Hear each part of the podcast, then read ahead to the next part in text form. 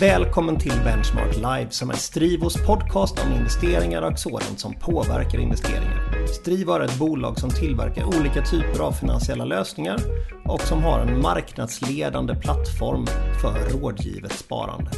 Jag som pratar heter Peter Jönsson och jobbar som sales på Strivo.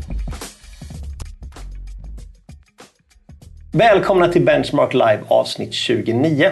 Inflationen har ju varit ett av de stora samtalsämnena sista året och Riksbankerna verkar ha blivit tagna på sängen av den snabba prisuppgången trots att de gjort faktiskt allt de kunnat sista tio åren för att just öka inflationen.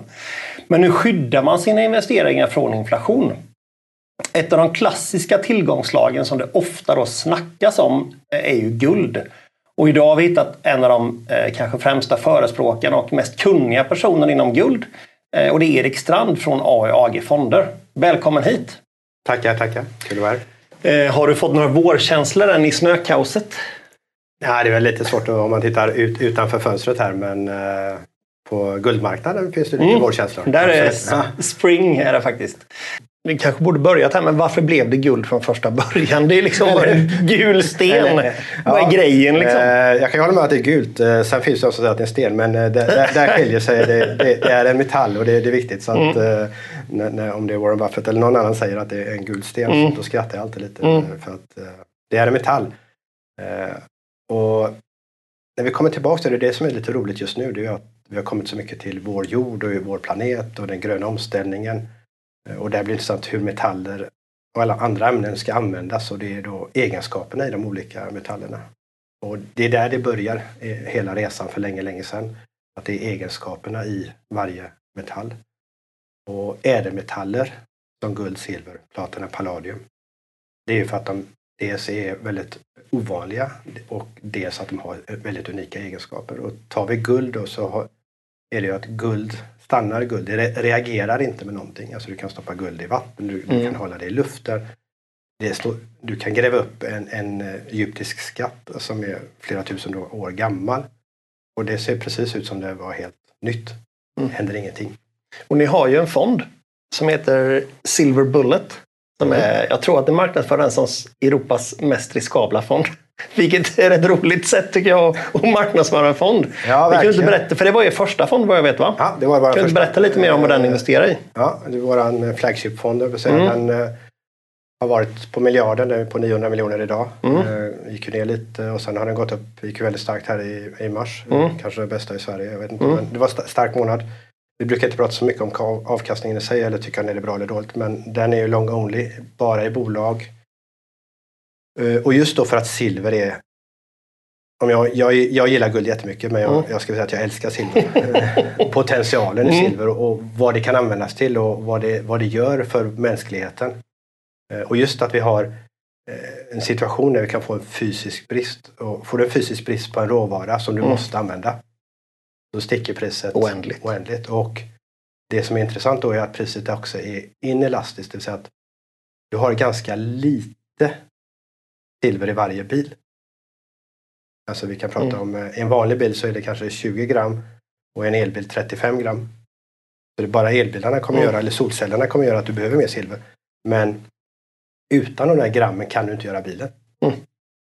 Och även om de här priset går upp 200-300 procent så kommer ju inte Mercedes eller Volkswagen eller Volvo eh, inte köpa, vilja Nej, köpa precis. det. De betalar ju vad som helst för det ändrar ju inte priset på slutprodukten. Exakt, om de 30 grammen kostar 100 spänn eller 3000 spänn eller 10 000 det, det ändrar, spänn. ändrar inte slutprodukten. Precis. Och det gäller ju mobiltelefoner och datorer också. Mm. Så att de betalar vad, vad de måste betala mm, för. De det är häftigt. Och, och, medan som olja varit, liksom, när det har blivit väldigt dyrt så slutar vi använda det och så går priset ner. Mm. Här kommer det dröja väldigt, väldigt länge. Och vi kommer heller inte hitta någon Alltså på jorden eh, finns inga ämnen. Alltså vi vet vilka ämnen de är och egenskaperna. Och, och vi har skalan på hur de leder el, el och värme. Så att eh, det går inte att ändra. Eh, vi använder ju koppar. Eh, och det koppar kommer ju också användas väldigt, väldigt mycket mer. Eh, men silver, när det är viktigast, då använder vi silver. Vi kan inte ersätta det. Utan det är snarare så att vi hittar fler områden med silver. Men fonden då tillbaks. Eh, den är väldigt enkel, long only.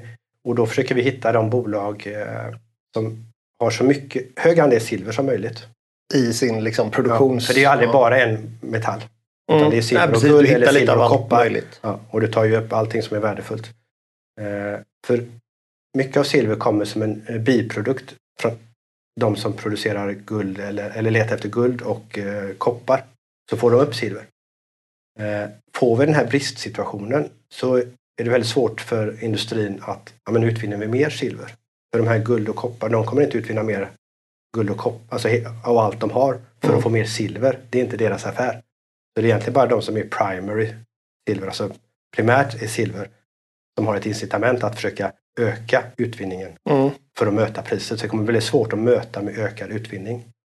På samma sätt så är det att du kan inte heller starta nya gruvor för att starta en ny gruva från du ska börja tills du är igång så är det 10 år. Idag pratar man om 15 år. Mm. Det är det med tillstånd och finansiering. Ja, hela vägen och komma igång och börja, och börja ja. göra. Så det är ju liksom, får du en squeeze i priserna så är det ingenting du löser. Ja, nu startar vi nya gruvor. Mm. Utan det, tar ju 10 år, det tar alldeles för lång tid. Mm. Och man är ju då väldigt försiktig då med att starta, starta nytt. Så att, eh, att de är fokuserat så mycket silver som möjligt är viktigt för oss. Sen är det en väldigt eh, ganska enkel och, och dum fond. Den är väldigt long only. Vi, vi tradar inte in och ut på marknaden utan vi äger våra bolag, gör väldigt, väldigt små, små förändringar. Eh, Är det, är det olika vikt beroende på vilket ni tycker bäst om och så? Ja, eller? i våra senare fonder så har vi väldigt mycket likaviktning. I Mm. Silver Bull-fonden har vi lite, där har vi fyra bolag som väger lite mer. De väger eh, vad vi kallar för målvikt.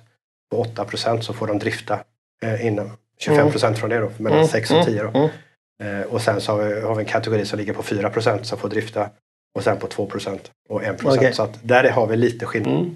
Er andra fond tror jag var Precious Green. Mm. Vad, hur skiljer sig den från eh, Silver Bullet? Ja, den skiljer sig ganska mycket. Jag var lite orolig i början för jag tänkte, jag var lite, väldigt nöjd med att Silver Bullet var väldigt ren. Mm. Long only, inte in och ur marknaden. Mm. Så investeraren vet vad de köper. Tror de inte på caset, tror man på caset så är man med. Mm. Den där man inte tror på caset, då säljer man fonden. Eller man ibland köper man mer, säljer man. Mm. Men, men man, det är väldigt, istället för att det är en black box. Och vi vill vara transparenta. Alla innehaven ligger på hemsidan. Man kan se hur innehaven tickar. Inte bara som loggo utan hur kurserna tickar på Mhm. innehaven. Mm. Det är ju inte fonden i sig, men det är innehaven i Mm. fonden. Mm. Eh, Så transparens. Eh, enkelheten. Eh, så när vi gjorde Precious Green som lite svar på det här Perfect Storm som vi pratade om förut. Och en fond som är lite försiktigare och inte är den mest riskfyllda. Eh, det blir ändå så att vi liksom delar den i två delar, en 60-40 portfölj. Mm. Och då vet man inte riktigt om hur marknaden kommer ta till sig, Men förstår det. Konstant 60-40. Eh, vi har ju fondbestämmelser som säger att vi ska vara 90% investerade, alltså Mm. max 10% cash då, och det är ju normalt. Eh, sen eh, är det minst fem, den 60-procentiga delen får vara minst 50 Mm. och den 40-procentiga delen får vara minst 30. Mm. Det kan inte hända samtidigt för då skulle det bara bli 80. Mm. Utan- Exakt, ja. Men så kan Ja. det vara. Så det kan vara 55-45 om man nu Mm. ska säga våra Men ni allokerar inte om så att ni har 80% guld rätt Nej. vad det är för att ni Nej. tror att någonting kommer hända. Nej. Nej. Så, så man vet vad man får. Ja, liksom. Det som är bra är då att istället för obligationer så har vi råvaran guld. Just det. Får- Inte guldbolag utan Ja, guldet. där är det råvaran som vi har som exponering. Eh, där vi tror för att det är ett bra skydd, som obligationer är ett bra skydd, men eh, där vi tror att guld har samma eh, förmåga att kunna skydda portföljen. Eh, men när, eh, när det går bra i börsen eller när vi har inflation, då, då, då kan guldet också gå bra. Mm. Och aktierna går bra. Eh, Medan obligationer, där hade man problem. Nu kan det börja bli lite intressant igen att äga obligationer för vi förväntar oss Mm. att de ska börja sänka igen då. Mm. Men vi kommer ju snart vara nere i samma scenario att vi ligger på 0 eller 1 procents ränta och då är det inget kul med obligationer. Så att eh, den här perfekta stormen träff, kom ju väldigt eh, som vi, vi, trodde också då. Så att guld känns väldigt bra där jämfört med Mm. obligationer. Eh, och så har du ju noll, noll i korrelation då med de Mm, andra tillgångarna. Och på det som vi då kallar aktiesidan så tycker vi liksom att globala aktier, ja det är väl bra men det är väldigt tråkigt. Mm. Alltså det, det, det är inget case i det. Och då, eh, den första eh, trenden för oss eh, som bolag är den monetära inflationen. Så vår andra, andra trend som vi fokuserar på det är ju den grön, omställningen till en grön värld. Mm. Eh, och då är det ju elektrifieringen som är det stora. Och då tänkte vi det är det vi ska satsa de här 60 procenten på. Och då gjorde vi fyra delstrategier. Återigen lite mer komplext då. Att det är en fjärde, eller 15 procent av de här, en fjärdedel Mm. av 60 Japp. mot bolagen som utvinner de metallerna som behövs. Och och då är det framförallt eh, litium och koppar. och lite andra metaller. Men litium och koppar kanske är de viktigaste mm. i, det, i den biten. Eh, sen är det då de bolagen som eh, bygger eh, solcellsparkerna yep. eh, som vi har. Och sen så har vi då eh, lagring av energin. Alltså fuel cells och batterier, hela den biten. Och sen så har vi ett fjärde ben där vi eh, där man effektiviserar, återvinner, alltså, eller optimerar energiförbrukningen. Så det är fyra olika delstrategier för att jämna ut det där. Mm. Det känns, känns också väldigt, väldigt bra för vi ser ju hur sol, solcellsbolagen, eh, där pratar vi också mycket volatilitet. Mm. Nästan mer än i, mm. i silvergruvbolagen. Alltså. Så att de här fyra delstrategierna inom det, eh, greentechen är så att sammantaget eh, skapar stabilitet genom lite fyra strategier. Och där är det då likaviktning mellan bolagen. Så det är egentligen sammanlagt 20 bolag. I de här. Fem, fem bolag i varje. Och alla har en target weight på 3% Sen får de drifta så det är inte så att de ska vara 3 mm. varje dag. Och så byter ni ut bolagen ibland? Ibland byter vi. Mm. Byter ut ja, två bolag. Mm. Vi kommer väl och blir de för, går de för bra och blir stora så viktar ni ner dem? Ja, vi har ju också där att de, där är det 33 procent så att, eh, från 3 procent får det gå upp till 4 procent. Ja, just det. Vi kan ju sälja innan men mm. när det når 4 då, då, då säljer vi. Mm, men vi behöver inte sälja till 3. Det är den här 3 regeln säger egentligen bara att vi ska inte köpa till mer än 3. Mm. Som ett bolag gått ner till 2,6 procents vikt. Om vi låter fallet och så köper vi upp det kanske till 3. Vi köper aldrig upp över. Vi får låta drifta över. Ja, vi köper inte över. Och det gör ju att vi får en, eh, en lite mjuk eh, ombalansering. Alltså vi tar hem lite vinster när de har driftat upp och, och vi köper lite billigt i de bolagen. Men när vi går in i ett bolag också där så tror vi på det för alltid. Vi kan säga att våra fonder är lite mer eh, smart beta. Mm. Vi försöker hitta en bra beta-exponering, mm. en bra konstruktion i fonden och sen göra det på ett smart sätt. Eh, och att det är, det är mer caset som mm. är det viktiga. Eh, alltså som förvaltare såklart vi gör jobbet och förvaltar men mm. det är inte att vi ska tajma marknaden, välja bolag X eller Y eller byta eller skifta eller Nej, så, den biten. Eh, så där skiljer vi oss lite grann. Och fördelen är som sagt, vi kan ju alltid prata caset och känner man för caset så vet man vad man köper. Man får det man köper också. Eh, så det, det, och så får vi då väldigt låga transaktionskostnader. Mm. Och som fonden ligger på 1,4 procent förvaltningsavgift så är TKA ligger på, eller sammanlagt på 1,45 eller 1,43 tror jag. Mm. Så att, eh, det är väldigt nära där ju. Ja, bränner väldigt lite kostnader och det tror jag är, det är också bra för avkastningen och investerarna i längden. Mm. Eh, och sen har ni Essential Metals i tredje fond. Mm. Eh, och den går emot alla typer av metaller som behövs för att vi ska kunna tillverka grejer i framtiden. Ja, Enkelt uttryckt. Ja, det var, ja, nu var det klart. Ja, precis. Ja, men det var väl... Eh, för oss är det den breda fonden. Mm. Tittar man utifrån den stora makrovärlden så är det fortfarande på ett sätt en smal fond. Alltså som, mm. som en råvarubolagsfond. Fast man tar bort olja och gas och man tar bort boskap och livsmedel. Utan man kommer ner på metallerna. Men den blir ändå bredare. Och det, eh, om Silver Bullet är väldigt vass så kan den ju bli för, för nischad även om den det räcker att äga den. Men, mm. men, men, den är så, så, så speciell och så unik i det sättet så att eh, har, man inte, om man inte ens kommit in på råvaror så kan det vara lite långt steg att komma dit. Mm. Eh, och Precious Green har ju mer sin stabilitetsfunktion, alltså som en blandfond. En smart blandfond. Eh, så känner vi att eh, vi vill ha en bredare front som är alla metaller och då är det också industrimetaller. Och där har vi smeknamnet Dr. Copper. Mm -hmm. har vi på den. Och, koppar har ju varit, liksom, priset på koppar har ju lite, så den blir mycket mer med konjunkturen. Kommer nog ha en högre korrelation med vanliga börsen. Mm, just det.